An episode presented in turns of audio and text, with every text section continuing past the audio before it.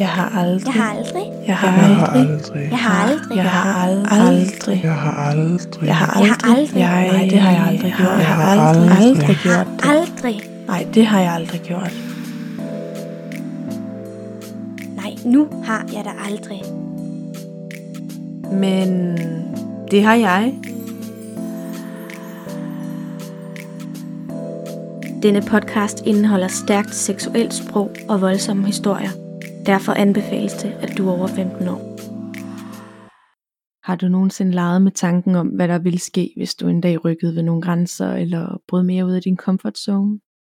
Jeg hedder Helene, og velkommen til min podcast Jeg har aldrig. I dag vil jeg gerne snakke om grænser, og hvordan et liv uden grænser har formet mig som person. Lad mig først introducere mig selv. Jeg hedder Helene, og gennem de sidste 10 år har jeg befundet mig under adskillige pseudonymer.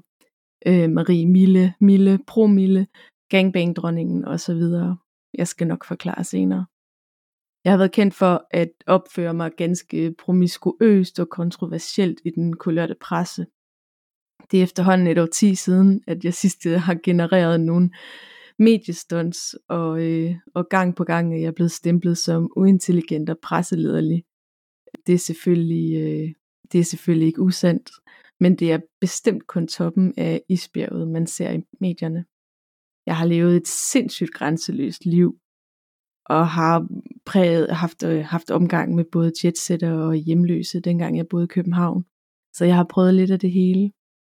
Jeg har levet et liv på grænsen, og øh, når man så kommer ind fra den her grænse, så efterlader det en form for vakuum, når man lige pludselig ikke befinder sig på kanten mere, og skal til at være mor, og pludselig er blevet skilt, og skal, skal prøve at søge tilbage til den, man var før, man ligesom kom ind fra grænsen.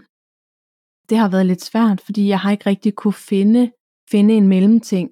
Så det er det, jeg tænker, at netop det her spændingsfelt mellem min fortidskarakter Mille, og så den nuværende voksne kvinde øh, Helene, som jeg er, der opstår en form for dualitet, som kunne være rigtig spændende at udforske. Og det er det, som den her podcast kommer til at handle om. Vi skal igennem seksualitet, vi skal igennem misbrug, vi skal igennem overgreb, porno, prostitution. Mange af de ting, som min tid i København har taget mig igennem, og som har formet mig som den jeg er i dag, men som helt sikkert også har medvirket til, at jeg måske har taget en masse livslæring med mig videre.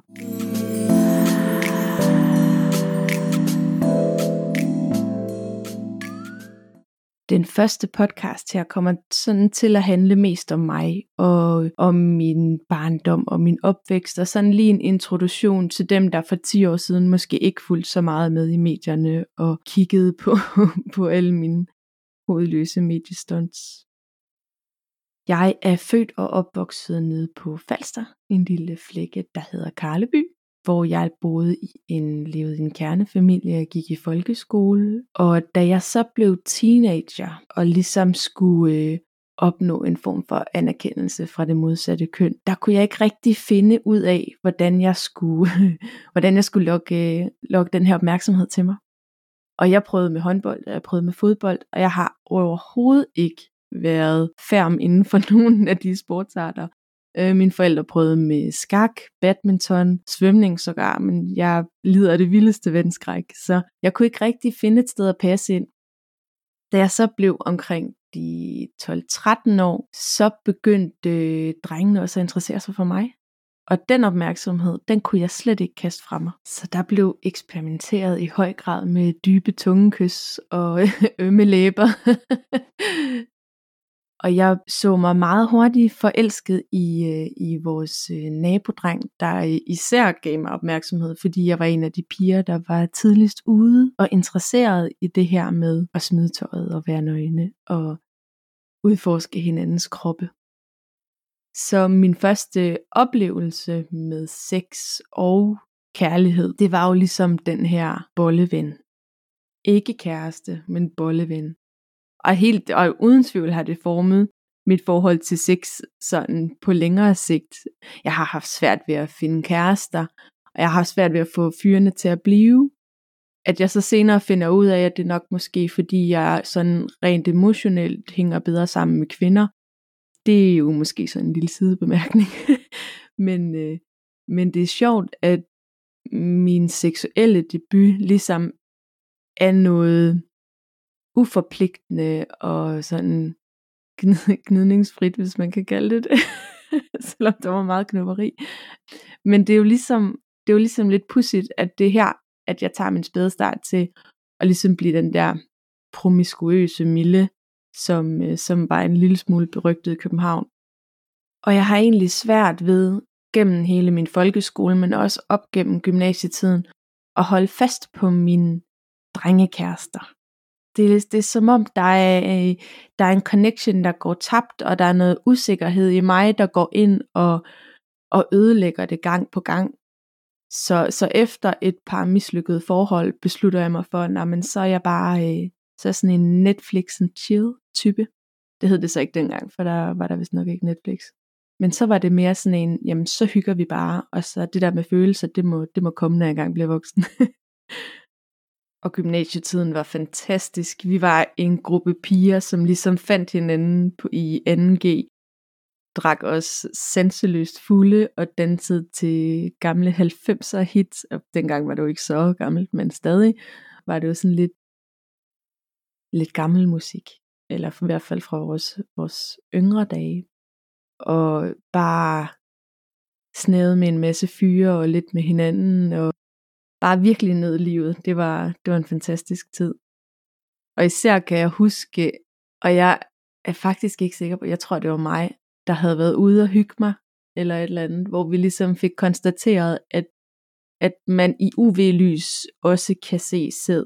Og her på Mona Lisa nede på, øh, på Lolland i Majbo, som, øh, som vi gik, øh, vi gik på gymnasiet i Majbo, der havde de sådan noget UV-lys, når man kom ind, for ligesom at kunne se de her stempler, sådan så de var sikre på, at man havde betalt. Og der den ene gang var der så tydelig, bare jeg tydelige præg af, at jeg havde været ude og hygge mig i busken.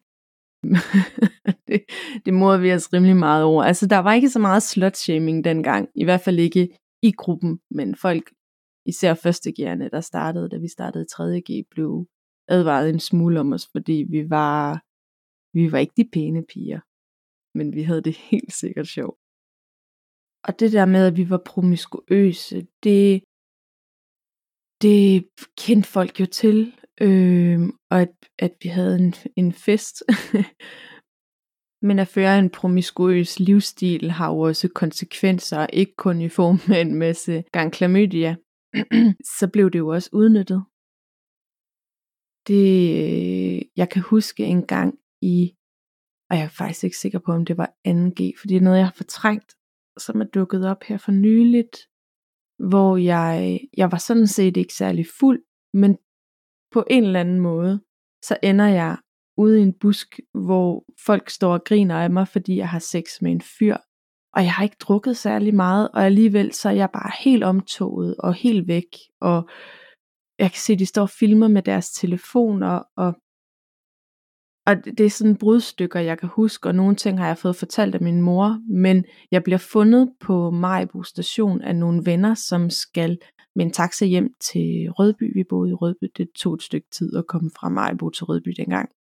Og jeg er helt, de kan slet ikke forstå mig, jeg græder, jeg græder, jeg græder, og, og det, jeg snakker ikke sammenhængende, og jeg, øh, min mor beskriver mig som lidt og suicidal, og, og, og sådan øh, meget nedtrykt, og siger, at jeg ikke har nogen venner, og jeg er til grin og alt muligt. Og det er ligesom her, at jeg kan mærke en form, altså det er i hvert fald her efter, jeg begynder at føle mig udstødt, og jeg begynder at skamme mig, og jeg begynder at få det rigtig svært ved at være i Maribo, og kunne ligesom hænge, hænge ved og, og være en del af det her samfund hernede, det er sådan en efterreflektion, jeg har haft, at det måske har haft noget med den oplevelse at gøre. Selvom at jeg ikke kan huske det, så må det selvfølgelig stadig have siddet i min krop. Og lige her begynder jeg faktisk at søge mod København, søge mod amatørfotografer, der tager billeder af mig, og de bliver lagt ud på, øh, eller de kommer i ekstrabladet. Det var en kæmpe sensation nede på Lolland, at en, der gik i 2G, store viste bryster på siden i. Så det blev der lavet rigtig meget virvar ud af. Og jeg nød opmærksomheden, fordi hvis folk alligevel skulle grine af mig, hjemme, så kunne jeg lige så godt overtage narrativet og, og prøve at tage kontrollen over det, i hvert fald styre, hvad det var, de grinede af. Og jeg kunne mærke den her opmærksomhed, den her seksuelle opmærksomhed, den tændte et eller andet i mig. Jeg synes, det var spændende. Så jeg udforskede også lidt inden for, øh, for strip. Og hver weekend i 3.G tog jeg toget til, til Aalborg, hvor jeg øh, dansede på en stripklub og tjente nogle penge den vej ved siden af min SU. Og det, det var så fascinerende, og det var så spændende det her, og de lette penge, det var jo det var ikke så mange, der kan sige nej til den alder. Det var bare, øh, det var bare en, et, et helt andet liv, og det var meget mere spændende og langt væk fra, øh, fra roemarker og landsbyfester og halvballer. Så det trak i mig lige så snart jeg kunne. Da jeg, var, da jeg havde fået min studenterhue på, gik der en time med kys og kram til min far og min mor, og så tog jeg toget til København og blev der i seks år.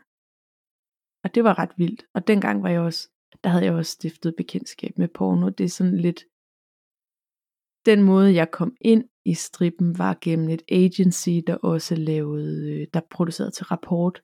Så jeg kom meget hurtigt ind i den der med, når jeg, men hvis jeg alligevel er nøgen, kan jeg også tage nogle billeder.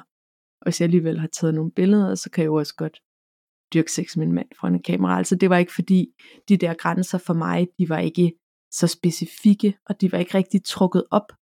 Så i min, i min iver for ligesom at prøve at finde de grænser, så eksperimenterede jeg helt vildt.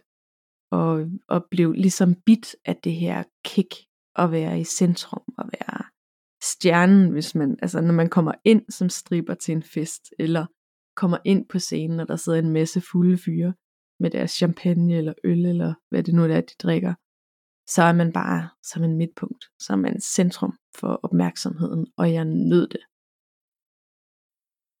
Jeg har aldrig været den store danser. Det skal lige siges. Altså, jeg kan bevæge mig til musik, men tager man i byen med mig, så er jeg helt sikkert hende, der står op og drikker et tequila shot til baren, eller andet. Jeg er ikke typen, der går ud og danser. Jeg er simpelthen for selvbevidst til det, og derfor var det også en kæmpe overvindelse at skulle ind og strippe. Nu er strip som, som sagt, altså det er jo ikke, det er jo ikke ligefrem dans, det er ikke skøn dans. Øh, så jeg var god til at bevæge mig på scenen, og øh, jeg tror engang, det var Linse, der sagde, altså Helene, du er ikke, du er ikke en danser, men du har sex med scenen. og det er jo lidt der, min erfaring har været, at jeg var ret god til ligesom at være i det, og, og være sensuel, i stedet for måske at kunne de rigtige moves, eller at kunne hoppe rigtig op på stripperstangen og sådan nogle ting så var det mere det der, den der en-til-en kontakt, jeg var rigtig god til. Og jeg var jo stripper på det tidspunkt, hvor erotikmesserne var på, ikke, måske ikke på sit højeste, men, men det var, der var knald på. Altså man var jo superstjerne, når man kom som stripper og pornomodel ude på de her, de her scener ude på erotikmesserne. Det var fantastisk, og det var en fed stemning, der var derude.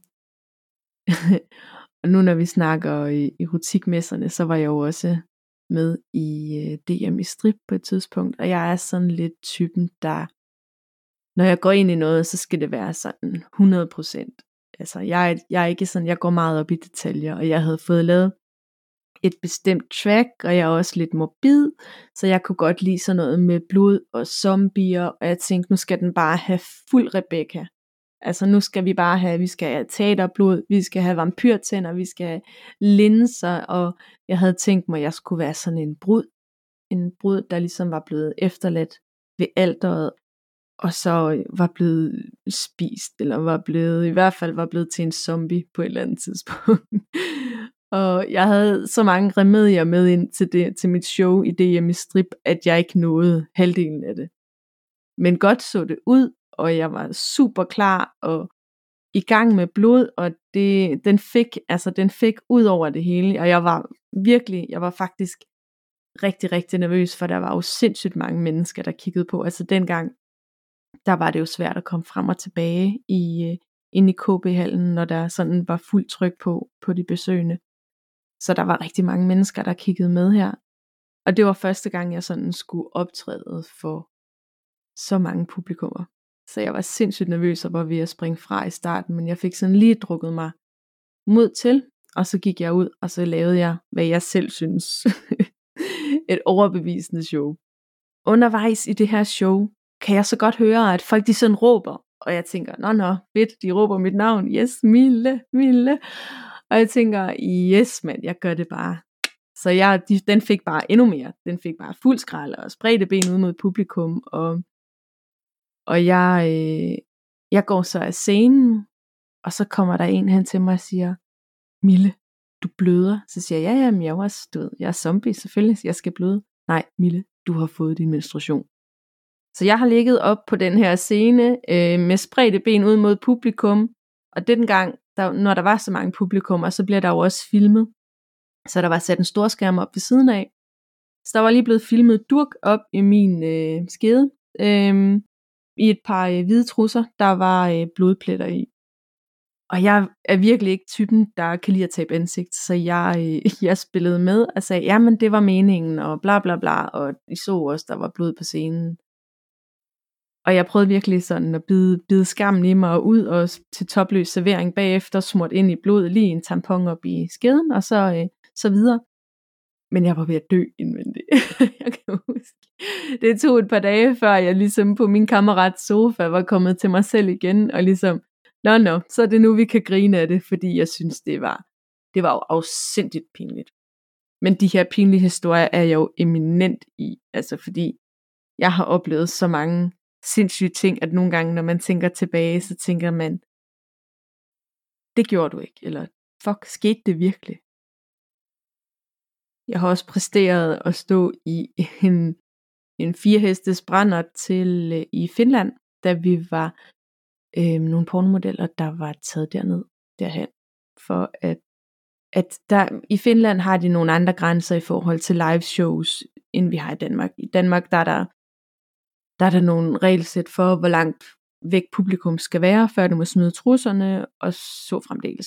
Det er der ikke lidt i Finland. I Finland, der skulle vi dyrke sex på en sofa, nogle personer. Og øh, der skulle der blive filmet imens, men så skulle der også være sådan en glasrude, og så skulle folk bare stå og følge de her live optagelser. Og der her i Finland, der er det så første gang, jeg stifter bekendtskab med cider, som har mere end 0,5% alkohol i. Altså det, de svarer jo til en øl, og dem drak jeg livligt den første aften. Og blev så stiv, at jeg måtte blive lagt i seng hos det værtspar, vi nu boede hos. Og jeg husker ikke så meget andet, end jeg lige pludselig, og jeg har sikkert skulle op og tisse, det, det, det er jeg ret sikker på, så måske er gået ud af den forkerte dør.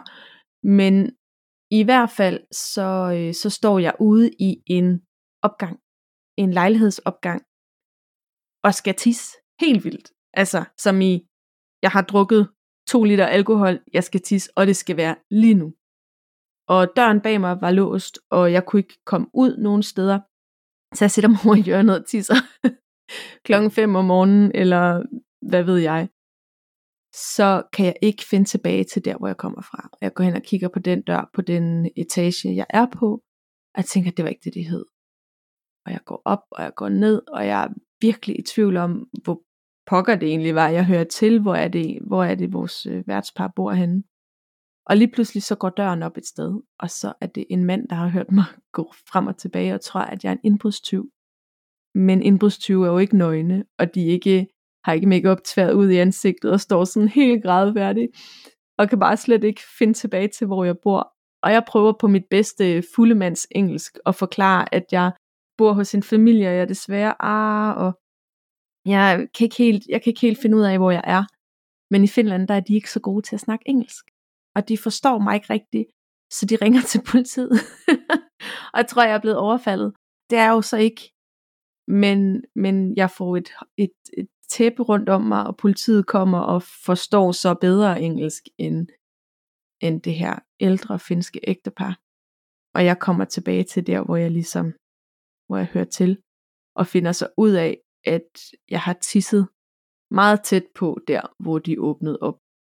Så det vil sige, at de har fået en lille huske, huskekage fra mig. Det var sådan en, ikke en af mine mest stolte øjeblikke, men det er helt sikkert en ting, hvor jeg tænker tilbage og tænker, ej, Helene, helt ærligt.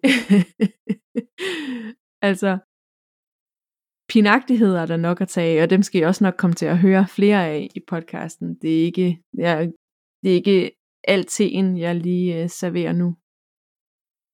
Og når nu vi snakker porno, så er det jo heller ikke, fordi jeg var så længe i pornobranchen. Jeg var nok bare øh, meget aktiv, da jeg var. og ville prøve det hele, og, og skulle have se det hele. Og vi lavede også noget på et tidspunkt, der hed Klub Fræk, hvor vi var fem pornomodeller på et tidspunkt. Det var dengang, jeg ligesom tog firetoget til København med min studenterhue på. Der flyttede jeg ind hos fire andre pornomodeller i en etværelses på Vesterbro, tror jeg det var. Nej, på Kongens Nytorv. Øhm, og det gik jo vildt for sig med fester og hvad der hører sig til. Altså når man, når man som 19-årig tjener hurtige penge, så får de også rigtig hurtigt ben at gå på. Og jeg kom ind i et selskab, hvor øh, så var det jo andet end alkohol, man hyggede sig med, og man var vågen i flere dage. Og på et tidspunkt, så øh, får vores kameramand den idé, at vi skal lave noget, der hedder Klub Fræk, for vi havde lavet noget porno til, vi havde lavet nogle, skudt nogle serier, eller ja, man laver også nogle sekvensserier, hvor man skyder til forskellige ting ad gangen. Der var, der var i hvert fald noget, der var meget populært i forhold til amatørporno, der havde debut. Og herinde, der kendte vi alle sammen hinanden fra, for det var ligesom her, vi alle sammen var startet på samme tid. Og derfor havde vi også den her connection, og, vi, og da vi så flyttede sammen, så stak det bare af. Og derfor var det også sjovt, at det netop var de her fem personer, som var med til det her klub Fræk. Vi kendte hinanden så godt, og vi havde så god en kemi, at vi tænkte, det kunne godt blive til noget. Så vi lejede en øh, natklub, hvor vi simpelthen bare skød porno i, øh, i åbnings, eller ikke i åbningstiden, fordi vi lukkede jo så klubben. Det er jo det der med de der regler med, at hvis det skal være et offentligt sted, og man skal smide tøjet og og sådan nogle ting, så, så skal der ligesom være den her afstand mellem publikum og aktører. Og det kan der ikke være øh, inde på den her lille bitte klub, hvor folk nærmest stod med hovedet op i asen på os andre, mens vi skød på det var, det var, det var ret fedt. Altså det kan jeg i hvert fald huske som værende ret fedt. Der var nogle tidspunkter, hvor de kom for tæt på, men så havde vi også bodyguards til ligesom at, at spille lidt med musklerne, og så, så kom de så på afstand igen men mere vil have mere, og jeg er sådan typen, at det kan, altså, når det piker, så vil jeg gerne næste gang, så må det gerne blive lidt vildere. Og lige pludselig var der bare sådan en eventyrlyst i mig, som porno og strip ikke rigtig kunne udfylde. Det blev for kedeligt, det blev det samme, det var de samme kunder, de samme shows, de samme mennesker. Det blev bare, det blev bare kedeligt. Og lige præcis på det her tidspunkt, hvor jeg sådan begynder at køre lidt død i det, så møder jeg en fyr på stripklubben, som kommer ind som gæst. Vi bliver begynder at flirte lidt og bliver sådan lidt semi-kærester. Og jeg kommer så med ham i byen på sådan et meget eksklusivt sted, hvor han øh, introducerer mig for sine venner. Og der møder jeg så en anden øh, nordsjællandsk fyr, vil jeg kalde ham som fortæller, at han ejer et escortbureau med meget sådan meget, et meget luksuriøst escortbureau, hvor det er kun sådan prima piger, der kommer ind, og det hele det skal være i orden, det snor lige, og jeg blev introduceret for nogle af pigerne, som er bare, hvor kæft hvor var de lækre. og jeg så sindssygt meget op til dem, fordi jeg tænkte, hold kæft, de har bare de har styr på deres ting, de er jo selvstændige, de, de ligner, altså når man tænker på escortpiger, så, så er der måske nogen, der har nogle fordomme om, at det er snusket, og det er ulækkert og sådan noget, men det her, altså, der var krav om påklædning, der var, der var så mange, så mange ting, der skulle være i orden, for at man kunne få lov til at være med. Så jeg tænkte, det, der, det her, det skal jeg. Og min dengang fløt skråstræk kæreste støttede mig i det og sagde, ved du hvad, det finder vi ud af. Og han var chauffør for mig. Og, og når man så sidder, nu sidder sådan og efter reflekterer over det, kan jeg jo godt se, at det var et kæmpe skråplan. Men når man befinder sig i miljøet og har ikke, og har, ikke har de her grænser, har lidt svært ved at, at sætte de her grænser for sig selv, så er det også svært ikke at overskride dem øh, det, det er lidt svært at, at holde samling, og der var ikke rigtig, der var ikke rigtig nogen, som jeg i hvert fald gad lyt på, der sagde til mig, ej, Mille, det der, det skulle du nok ikke have gjort. Eller, altså, der var hele tiden folk, der sagde, ej ah, Mille, det kan du godt. Det var skide godt. Og, sådan, og det er jo min evne til at finde øh, bekendtskaber, der, øh, der måske enabler, i stedet for ligesom at sige, hov, skal du ikke lige tænke over det her? Så jeg begynder at køre escort, og, øh, og kommer ud til nogle ganske fornuftige, pæne, enlige mænd. Og det er faktisk her, at jeg ligesom bliver opmærksom på, hvor meget sex betyder for mennesket. Altså hvor meget vores seksualitet betyder. Den betyder også så meget, at der er nogen, der er villige til at betale sig fra det. Fordi de savner nærhed. Og, og når man, man tænker, når man kommer ud som escortpige, når ja, men så skal man bare ligge og knælde hele tiden. Og det skal man ikke. Tit så er det den her nærhed, den her ømhed, den, som der er nogen, der savner, og det kan være, fordi de enten er handicappede, eller fordi de ikke har haft nogen kæreste, eller fordi der er andre ting, der gør, at, at det ligesom er svært at få den af få det andre af andre tilgange.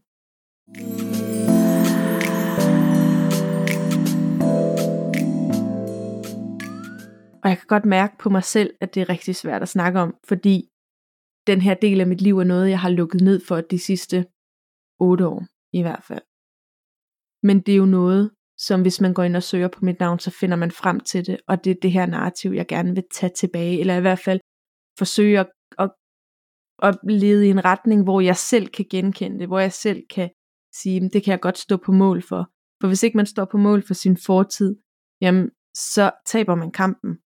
Og jeg har ikke lyst, den her kamp har jeg ikke lyst til at tabe, fordi der er også så mange spændende ting i de ting, de erfaringer, jeg har gjort mig, og de oplevelser, jeg er blevet rigere, og den livserfaring, jeg har, som kan bruges til meget andet end bare at pege fingre i og kalde mig uintelligent. Og min grænseløse side har jo været en af de katalysatorer for, at jeg har brugt medierne så meget. At jeg har udstillet mig selv på den måde, jeg har gjort, at jeg har søgt den her presse, presseside af, af, af branchen, hvor jeg ligesom har prøvet at, at søge en form for anerkendelse, og det er bestemt ikke det, man får, hvis man ligger og spreder ben på siden i. Det er i hvert fald min erfaring, at, at folk tænker tit, om hvis du bruger kroppen, så kan du ikke bruge hovedet, hvilket i, for, i min erfaring i hvert fald øh, meget sjældent holder stik. Oftest så så det netop, som jeg sagde i introduktionen, det som man ser i medierne, det er toppen af isbjerget. Der er så meget andet bag, og tit har jeg også taget mig selv i nogle gange at kigge og tænke, og kæft, det var dumt sagt. Nu gider jeg ikke nævne nogen navn, men af nogle af de mediepersoner, der, øh, der, der florerer i, i de diverse reality shows. Og netop den her stempling og den her offentlige bedømmelse, man gennemgår, når man har været i medierne, den præger bare rigtig meget øh, livet efter. Og da jeg så kom ud af alt det her, da jeg ligesom, jeg blev meget hurtigt gift og flyttede, flyttede så langt væk fra, fra København, som jeg kunne, I kan nok høre, at jeg snakker en lille smule jysk, så følte jeg en eller anden, et eller andet pres fra mine omgivelser til at gå ud og, og skamme mig. Altså, det var som om, der var nogle normer i samfundet, der gjorde, at, at det var forventeligt, at når jeg ligesom kom fra det her, at så skulle jeg skamme mig. Så den dag i dag, når jeg sidder og tænker tilbage, det er ikke fordi, jeg skammer mig ikke at over det, jeg har gjort, fordi det er egentlig ikke noget, jeg synes er skammeligt. Det er jo noget livserfaring, og det er nogle vilde historier, der der, kan, der kan vinde priser til enhver fest. Men, men det er jo også et bevis på, at man i vores samfund øhm, har nogle normer, især inden for sex og nærvær og kønslighed. Og, altså, der, der ligesom sætter en standard, og, og træder man uden for den, så er det som om, at man, man stifter bekendtskab med en masse stigmaer. Og de her stigmaer, de gør, at man har svært ved at blive anerkendt offentligt, hvis ikke man på en eller anden måde forsøger at tage afstand fra det. Og hvis ikke man tager afstand fra det, skal man i hvert fald stå på mål for det. Og det er netop det, jeg prøver at gøre nu. Det er, at jeg står på mål for min fortid. Jeg står på mål for de ting, jeg har gjort, for de ting, jeg har lavet, fordi det er ikke noget, jeg behøver at skamme mig over. Det er ikke noget, jeg skal skamme mig over. Det er ikke... Seksualitet er så essentiel, så, så primitiv en ting i os mennesker. Og det er virkelig noget, jeg er blevet nysgerrig på her de seneste par år. Nu står jeg snart og er blevet uddannet sygeplejerske og skal til ud og, og snakke med mine patienter om sex. Og selvom vi har fået en masse undervisning på uddannelsen om, hvordan man tager de her svære snakke, fordi det er jo kategoriseret på uddannelsen som noget, der virkelig er svært at snakke om. Det er stadig noget, som, som vi som sundhedspersonale skal, skal kæmpe med, og der snakker vi ikke sex som i penetration og seksuel stimulering, der snakker vi også om noget så, så essentielt som nærhed. Det er svært at snakke med patienterne om, og det var netop den her, den her information, jeg fik under min uddannelse, som gjorde mig nysgerrig på, jamen hvad er det i vores samfund, der gør, at det er så svært? Hvorfor skal det være så svært at snakke om? Jeg har overhovedet ikke svært ved at snakke om sex, men jeg er jo også den grænseløse, eller jeg er i hvert fald, jeg er i hvert fald svært ved at sætte grænser inden for sex. Især i min fortid har jeg haft det.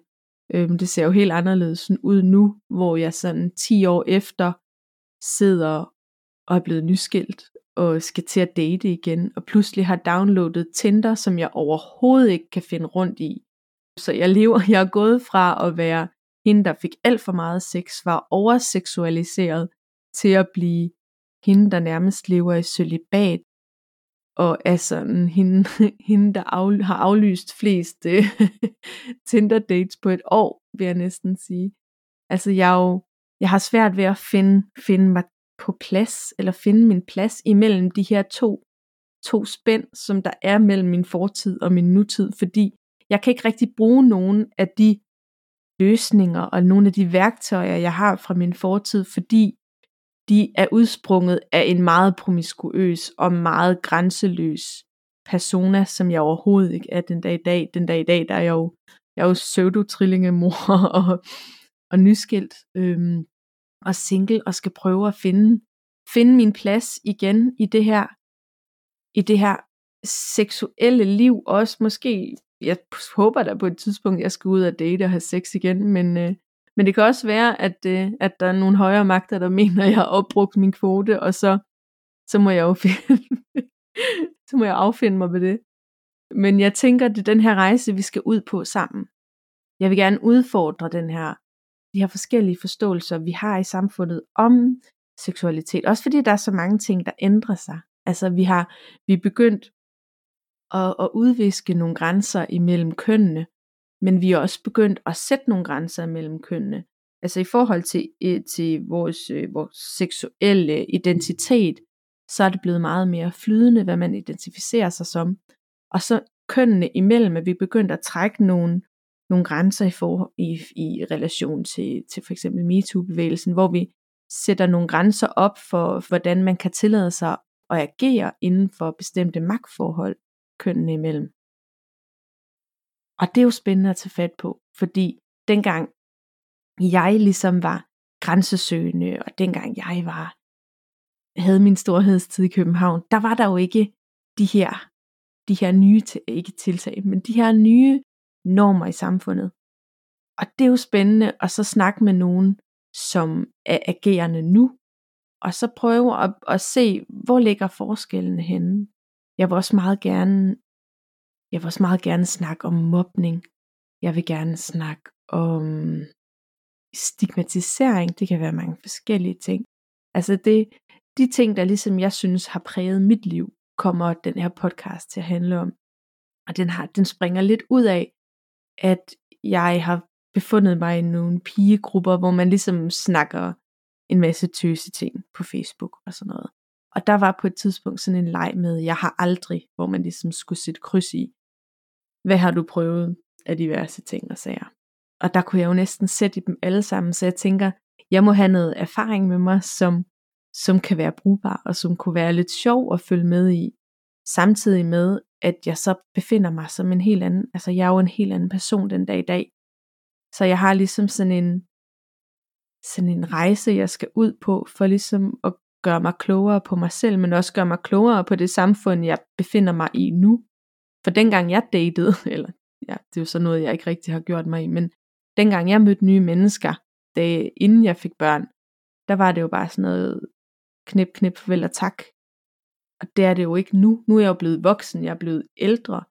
Det er de færreste fuckboys, der er på min alder og derover. Øhm, så det er jo det er jo en helt ny verden for mig, jeg skal ud og begive mig rundt i, og jeg håber inderligt, at I vil tage med mig. Det, jeg er sikker på, at det nok skal blive interessant og sjovt. Jeg har i hvert fald øhm, mange historier til gode, og jeg tror også, der er meget lærdom for os alle sammen. Om ikke andet, så kan I høre mig dumme mig på de næste mange afsnit. Tak for denne gang.